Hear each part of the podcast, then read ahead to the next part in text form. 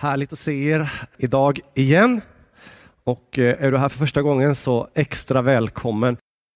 Hur många var det som åt våfflor igår? Jag åt våfflor igår. Är det någon som undrar varför står predikanten och frågar ifall de åt våfflor igår? Det var våffeldagen igår. Eh, är det så att någon har missat det så kan man ju fuska och ta igen idag. Det är inte så svårt. Något ägg, lite mjöl, och bakpulver, mjölk och så smält smör och sen i ett våffeljärn. Och så har man en härlig våffla. Jag, jag sitter och funderar på det här med våffeldagen. Hur kommer det sig att vi har en våffeldag? Och så så slår jag upp och kollar och så inser jag, och det visste jag sedan innan, men jag ville få det bekräftat innan så att jag inte står här och hittar på för er, utan att det finns lite sanning bakom mina ord. Att det, våffeldagen kommer av att det egentligen är vår fru, alltså Maria, eh, bebådelsedag igår. Det vill säga när ängeln kommer till Maria med ett bud om att du ska föda en son. Jesus ska vara hans namn, han ska vara en frälsare för folket och hela världen. Eh, och så, så är det vår fru som någon måste ha uttalat väldigt udda, kanske med en våffla i munnen. Och så blir det våffrudag, våffel, våffeldagen. Precis. Ja, och så satt jag och funderade lite vidare. Det här med att ha vissa dagar tillägnade åt bakverk. Är inte det en väldigt svensk grej? Jo, det är det. Eh, väldigt så. Vi gillar ju att fika i Sverige och jag har kommit på mig själv med att jag har svårt att sitta och träffa folk och prata med folk utan att jag måste tugga på någonting eller dricka någonting. Och Jag tänkte kanske att vi skulle ha lite allmän upplysning här. Ska vi se om jag hittar. Om, känner ni till att det finns något som heter fikakalender? Hur många, är det någon som känner till det? Man kan alltså söka på internet så kan man hitta en fikakalender som går igenom alla dagar på året som har ett, ett bakverk tillägnat sig. Till exempel den 10 januari så är det massarinens dag i Rolle här, eller om han lyssnar. Det är ju hans favoritbakelse. 12 januari marsipandagen och sen 3 februari morotskakans dag. 5 februari, för de som inte gillar att baka, så är det Nutella-dagen. Då kan man äta liksom den här chokladkrämen rakt ur burken. Fantastiskt. Och sen då så kommer den 25 mars. Det kommer några till emellan. Det är fyra stycken till innan våffeldagen. Och så fortsätter det. Det fortsätter med lakritsdagen. Det är chokladbullens dag. Eh, hur många känner, känner till att det finns kanelbullens dag? När brukar man äta den? Är det på Oktober, ja. Men det finns också kardemummabullens dag så att vi inte diskriminerar, så att ni vet det. Eller hur?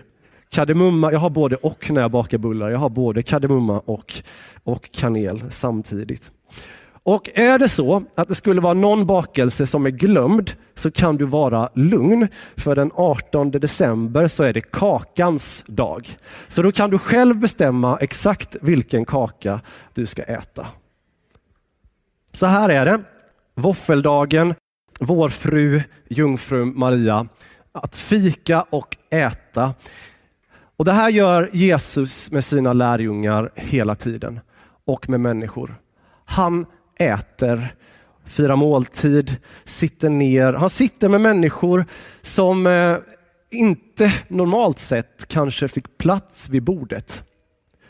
När Jesus ska sitta ner, samtala så finns det måltid på bordet och människor runt omkring som inte är kanske de eh, som man skulle tro att Jesus skulle umgåtts med. Jesus han var ganska eh, lärd, han kallas för rabbi, lärare. Han borde umgås med de andra lärarna, de andra visa männen och eh, skriftlärda. Men det gör han inte.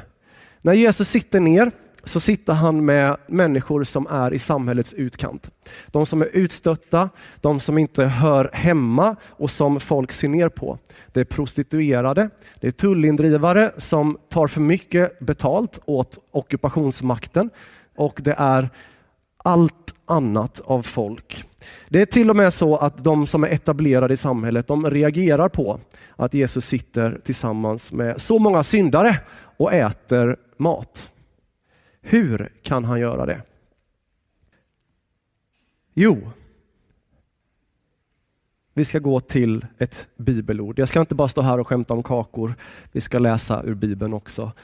Följ med till första Korintierbrevet kapitel 1, vers 18 till 31. Det är ett litet stycke. Jag har slått upp det redan, men för att du ska kunna hitta Bibeln så gör vi så här och så letar jag också. Första Korintierbrevet kapitel 1. Vers 18 så står det så här. Och ni kan följa med på skärmen om ni inte har en egen bibel med er. Ordet om korset är en dårskap för dem som går förlorade. Men för oss som blir frälsta är det en Guds kraft. Det står i skrivet, jag ska göra slut på de visas visdom och förkasta de förståndigas förstånd. Var är de visa? Var är de skriftlärda? Var är den här världens debattörer? Har inte Gud gjort den här världens visdom till dårskap? När världen inte genom sin visdom lärde känna Gud i hans vishet beslöt Gud att genom den dårskap vi förkunnar frälsa dem som tror. Judarna begär tecken och grekerna söker vishet. Men vi predikar Kristus som korsfäst. För judarna en stötesten och för hedningarna en dårskap. Men för de kallade, både judar och greker, predikar vi Kristus som Guds kraft och Guds vishet. Guds dårskap är visare än människor och Guds svaghet är starkare än människor. Bröder, se på er egen kallelse. Inte många av er var visa på världens sätt, inte många var mäktiga, inte många förnäma. Nej, det som för världen var dåraktigt utvalde Gud för att förödmjuka det visa. Och det som för världen var svagt utvalde Gud för att förödmjuka det starka. Och det som för världen var obetydligt och föraktat och inte fanns till, det utvalde Gud för att tillintetgöra det som fanns till. För att ingen människa ska berömma sig inför Gud. Tack vare honom är ni i Kristus Jesus. För oss har han blivit vishet från Gud, rättfärdighet, helgelse och återlösning. För att det ska bli som det står skrivet. Den som berömmer sig ska berömma sig av Herren. Amen. Jag skulle förbereda den här predikan och så var det väldigt svårt för mig att riktigt veta vad är det jag ska prata om. Vi har ju tidigare haft lite olika teman. Vi har haft lärjungaskap, vi har haft bön som tema. Och så kommer den här söndagen nu när jag ska predika och sen säger vi i teamet att vi har inte satt något tema. Vi har inte, vi har liksom inte, jag har inte fått den hjälpen in i den här predikan idag. Och då får man gå hem och så får man lyssna och så får man se, händer det någonting? Och det som jag har levt med den här veckan, det är det som vi fick med oss förra helgen. Vi hade möteshelg med Morgan Karlsson. Han var här och besökte och pratade. Han pratade bland annat utifrån Nehemja om att bygga, bygga Guds rike, bygga församling. Och han pratar också utifrån eh, profeten Elia i kungaböckerna, hur han besöker en kvinna och hon bygger ett rum för gudsmannen uppe på taket. Och så sa han så här, att bygg ett rum för den heliga ande i ditt liv. Bygg ett rum för Gud. Se till att Gud har plats i ditt liv. Och så sitter jag och lyssnar och han går på och folk tycker att det här är bra. Han predikar bra och det gjorde han och folk skrattar med. Men jag satt och så tänkte jag så här. Det här är allvar. Det här är tungt, det här är tufft. För om det Morgan pratade om, att det finns möjlighet till förändring i livet. Det finns möjlighet att Gud kan få verka i våra liv och göra någonting i våra liv då behöver jag gensvara på det. Då behöver jag göra någonting åt det. Då behöver jag bygga det där rummet på huset så att Gud får plats i mitt liv. Och så satt jag och så hade jag, vad, vad ska jag göra? Vad är det Gud du vill att jag ska göra? Och så läste jag det här bibelordet den fredagen som han var här också, som jag läste nu. Tänk på er egen kallelse. Det var inte många av er som var särskilt förnäma och så påminde Gud om att, och det sa Morgan gång på gång på gång på gång, det handlar inte om dig, det handlar om Guds möjligheter, det handlar om Guds kraft. Och det har vi i evangeliet, Guds kraft, berättelsen om korset. Paulus säger här i texten att det är en dårskap för grekerna och en stötesten för judarna. En stötesten, alltså någonting som riktigt stöter emot och tar emot i det som jag tänker är möjligt om Gud. Judarna de sa så här, att det står också att den som hängs upp på en påle är förbannad av Gud. Alltså, hur kan Jesus som korsfäst på ett kors vara Gud? Hur kan han vara Messias, den som ska frälsa världen? Han är ju förbannad av Gud, hänger på ett kors. Det går inte att förstå utifrån det sättet att tänka. Och går man till grekerna, deras gudasagor, det är hjältesagor. Där har vi en mängd gudar som både kan gå upp och ner och besöka människor och som dessutom får barn på jorden, halvgudar. Och så har vi eh, Herkules och massa sådana här berättelser, hjältesagor om hur stor makt gudarna har och hur liten människan är i jämförelse. Och Sen är det väldigt osäkert om gudarna är goda eller onda. Det vet man inte riktigt. De kan göra precis som de vill eh, i, i det grekiska sättet att se på det. Men att en gud skulle kliva ner, förnedras och dö, det är otänkbart. Det går inte. Och det är det som vi berättar om i vår tro, den kristna tron. En Gud som kliver ner, blir människa, tar på sig vår förbannelse, vår synd, det som vi har gått fel, det som vi har gått bort ifrån. Att vi har svikit Gud och lämnat honom och inte vill ha med honom att göra. Straffet för det tar Jesus på sig på korset. Och vi går fria. Vi får möta Guds godhet. Det är inga gudar som vi inte vet om de kommer straffa oss eller döda oss eller skicka oss ut i krig mot något främmande land. Det är en Gud som går ner, tar på, oss, tar på sig all nöd och dör på korset för vår skull. Det handlar alltså inte om vad du och jag gör egentligen, utan först och främst vad Jesus redan har gjort. Och det går vi emot på påsken. Och det är svårt att ta emot det här. Jag vet även, eh, även i ett fikasamhälle som vi har. Vi vill gärna bjuda på saker. Vi vill gärna göra rätt för oss. Vi vill gärna ha med oss någonting när vi, när vi besöker någon. Eller när någon kommer och ger oss någonting. Det, här berättade en, en tysk eh, missionär. Han var här och, och försökte plantera församling. Så berättade han att han gick till alla grannar och så gav han dem en julkaka innan jul. Så här en påse med julkakor.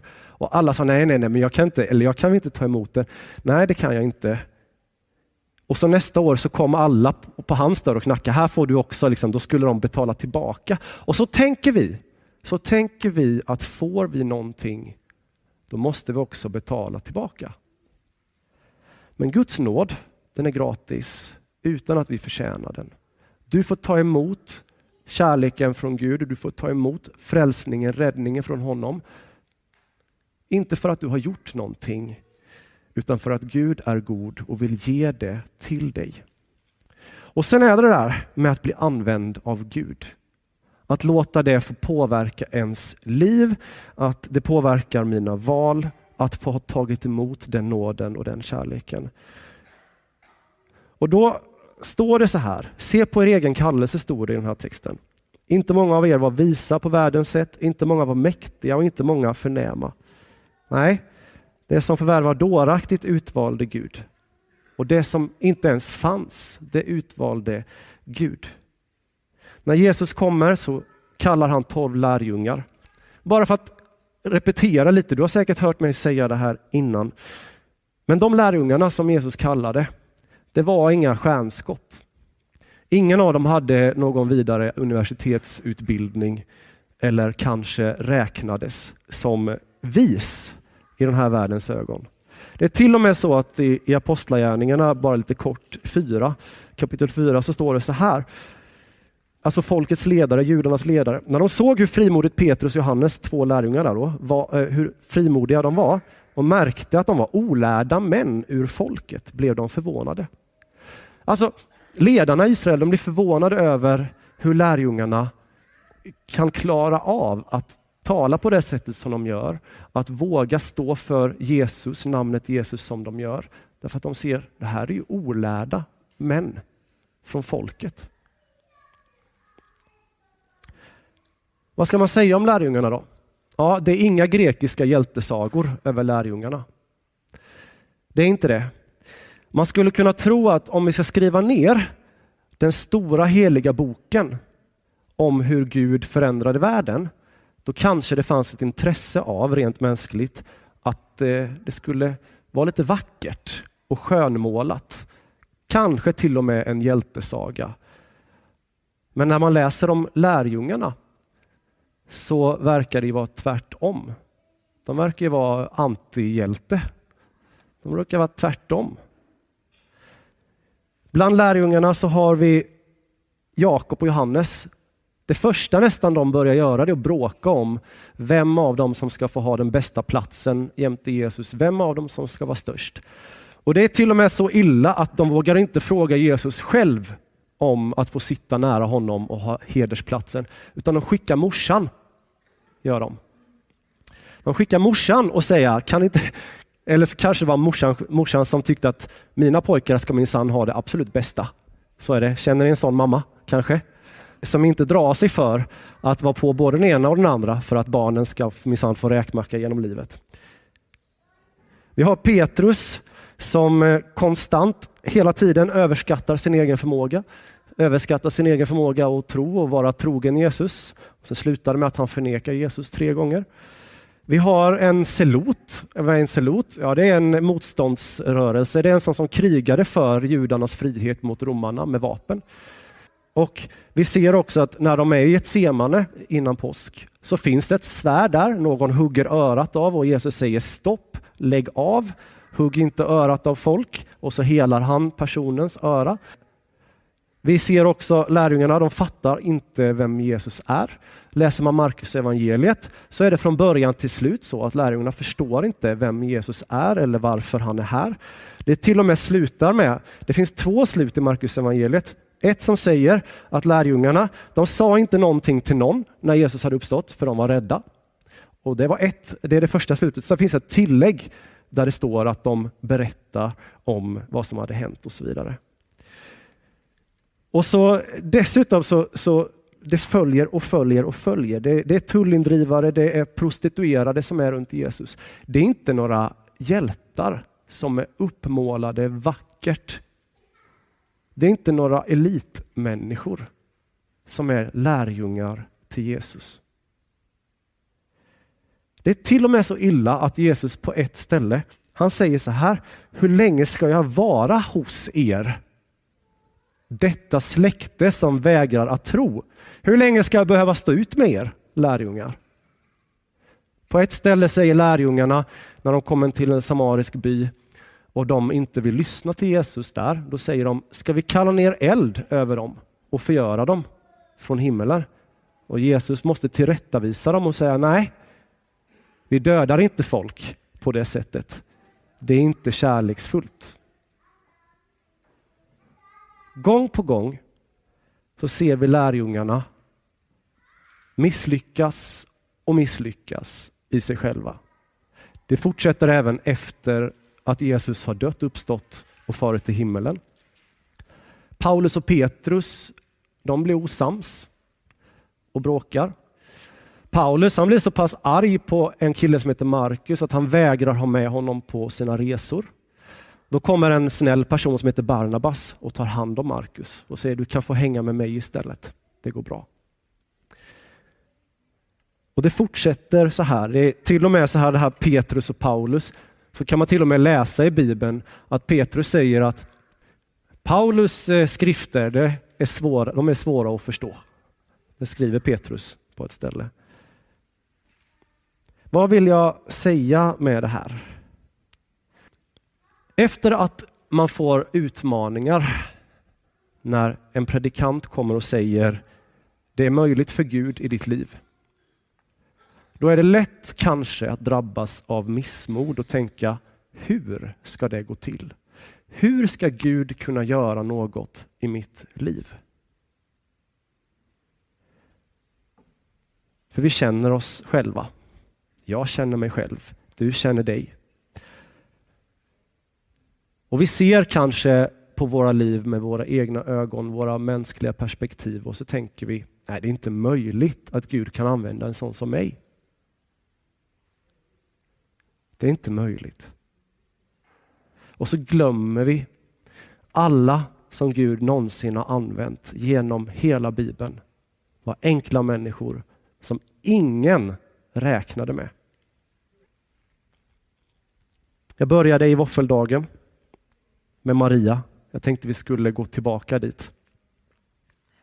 Lukas evangeliets eh, början, första kapitlet. Så kommer en ängel till Maria och säger det här. Var inte rädd. Du har funnit nåd hos Gud. Så nåden finns där. Det är gratis. Vi får ta emot av Gud det han vill ge oss. Du ska bli havande och föda en son och du ska ge honom namnet Jesus. Han ska bli stor och kallas den högste son och Herren Gud ska ge honom hans fader Davids tron. Han ska vara kung över Jakobs hus för evigt och hans rike ska aldrig ta slut. Och då sa Maria till ängeln det som du kanske har sagt. Hur ska det ske? Hur ska det ske? Det är inte möjligt. För Marias del så var det inte möjligt på grund av följande mening. Jag har inte haft någon man. Hur ska det kunna ske? Och ängeln svarade. Den helige ande ska komma över dig och den högstes kraft ska vila över dig. Därför ska barnet som föds kallas heligt och Guds son. Och så står det i vers 37 där. För ingenting är omöjligt för Gud. Ingenting är omöjligt för Gud. Så när du ser på ditt eget liv, det är inte omöjligt. Gud kan använda dig. Oavsett var du kommer ifrån, oavsett vad du har varit med om, oavsett vad du går igenom just nu. Det finns nåd, förlåtelse vid korset hos Jesus. Och för Gud är allting möjligt. Vad blir svaret från Maria till slut? Maria säger så här. Jag är Herrens tjänarinna. Låt det ske med mig som du har sagt. Maria säger alltså inte nu ska jag gå och göra allt vad du har befallt mig eller nu ska jag gå och anstränga mig för att det ska bli så. Hon säger bara jag är Herrens tjänarinna. Låt det ske med mig som du har sagt. Låt det ske. Låt det ske i mitt liv. Och här har vi det gemensamma nämnaren för alla Jesu lärjungar. Det är inte kvalifikationer och utbildning, gåvor och färdigheter. Det är ett hjärta som säger låt det ske i mitt liv. Låt det ske i mitt liv. Så jag skulle vilja utmana dig idag och det är det som min predikan handlar om. Att du skulle få säga så idag. Om du har hört Gud tala till dig, om du tror att Gud vill någonting i ditt liv, så öppna upp idag och säg låt det ske i mitt liv. Sen vill Gud ta med dig på en resa. Den kan vara lång och det kan vara mycket fram och tillbaka. Så är det för mig, så har det varit för mig den här veckan. Jag sa till Madde och Martin härligt att se er här idag. Jag sa det när de kom att jag har suttit hemma den här veckan och varit förkyld och jag tycker det är det värsta som finns. Det har varit fint väder ute och jag har inte kunnat gå ut och åka skidor. Och jag sitter inne och är förkyld och så mår jag bara dåligt. Och sen ska jag förbereda en predikan och försöka peppa församlingen och tala om någonting från Gud. Ja, så är det. Men jag står här idag och jag vill säga till dig och till mig själv också. Det går att be den där enkla bönen, även när det är lite tufft. Även när tankarna spinner iväg, även när ångesten råder och allting är mörkt. Låt det ske i mitt liv. Låt det ske i mitt liv. Amen. Tack Gud att du är här. Tack att eh, vi får lita på dig Gud. Och ibland så får vi lita på dig även om vi inte känner, även om vi inte just nu förstår att det, du är här och du gör någonting. Jag ber för var och en här och jag ber för den som känner i sitt hjärta, jag vill att det får ske i mitt liv och som ber den här bönen just nu, låt det ske i mitt liv. Tack Gud att du vill möta den personen just nu. Tack att du helig Ande vill komma över den personen just nu. Ge ett möte. Låt någonting få börja. I mitt liv, i deras liv. I församlingens liv, Gud. Vi ser ut över vår värld och så tänker vi, hur ska det kunna ske? Hur ska vi kunna vända på det här skeppet? Ja, för oss är det möjligt, men Gud, det är möjligt för dig. För dig är allting möjligt. Så jag ber Gud, bara kom. Kom in i vår församling, kom in i vår stad, kom in i vår tid. Förändra det som är och låt det få bli så som du vill ha det Gud. Och låt det få ske i våra liv Gud. Hjälp oss att inte gå i egen kraft. Hjälp oss att inte lita på vår egen förträfflighet eller våra färdigheter. Hjälp oss att lita på dig. Att du som påbörjar ett verk i oss också vill fullborda det. Jesus. Och när det verkar som dårskap och när det tar emot så påminn oss igen om vilken kraft det finns i korset. Vilken kraft det finns i ditt namn. Tack för den här stunden. Tack för den här dagen. Vi ber i Jesu namn. Amen.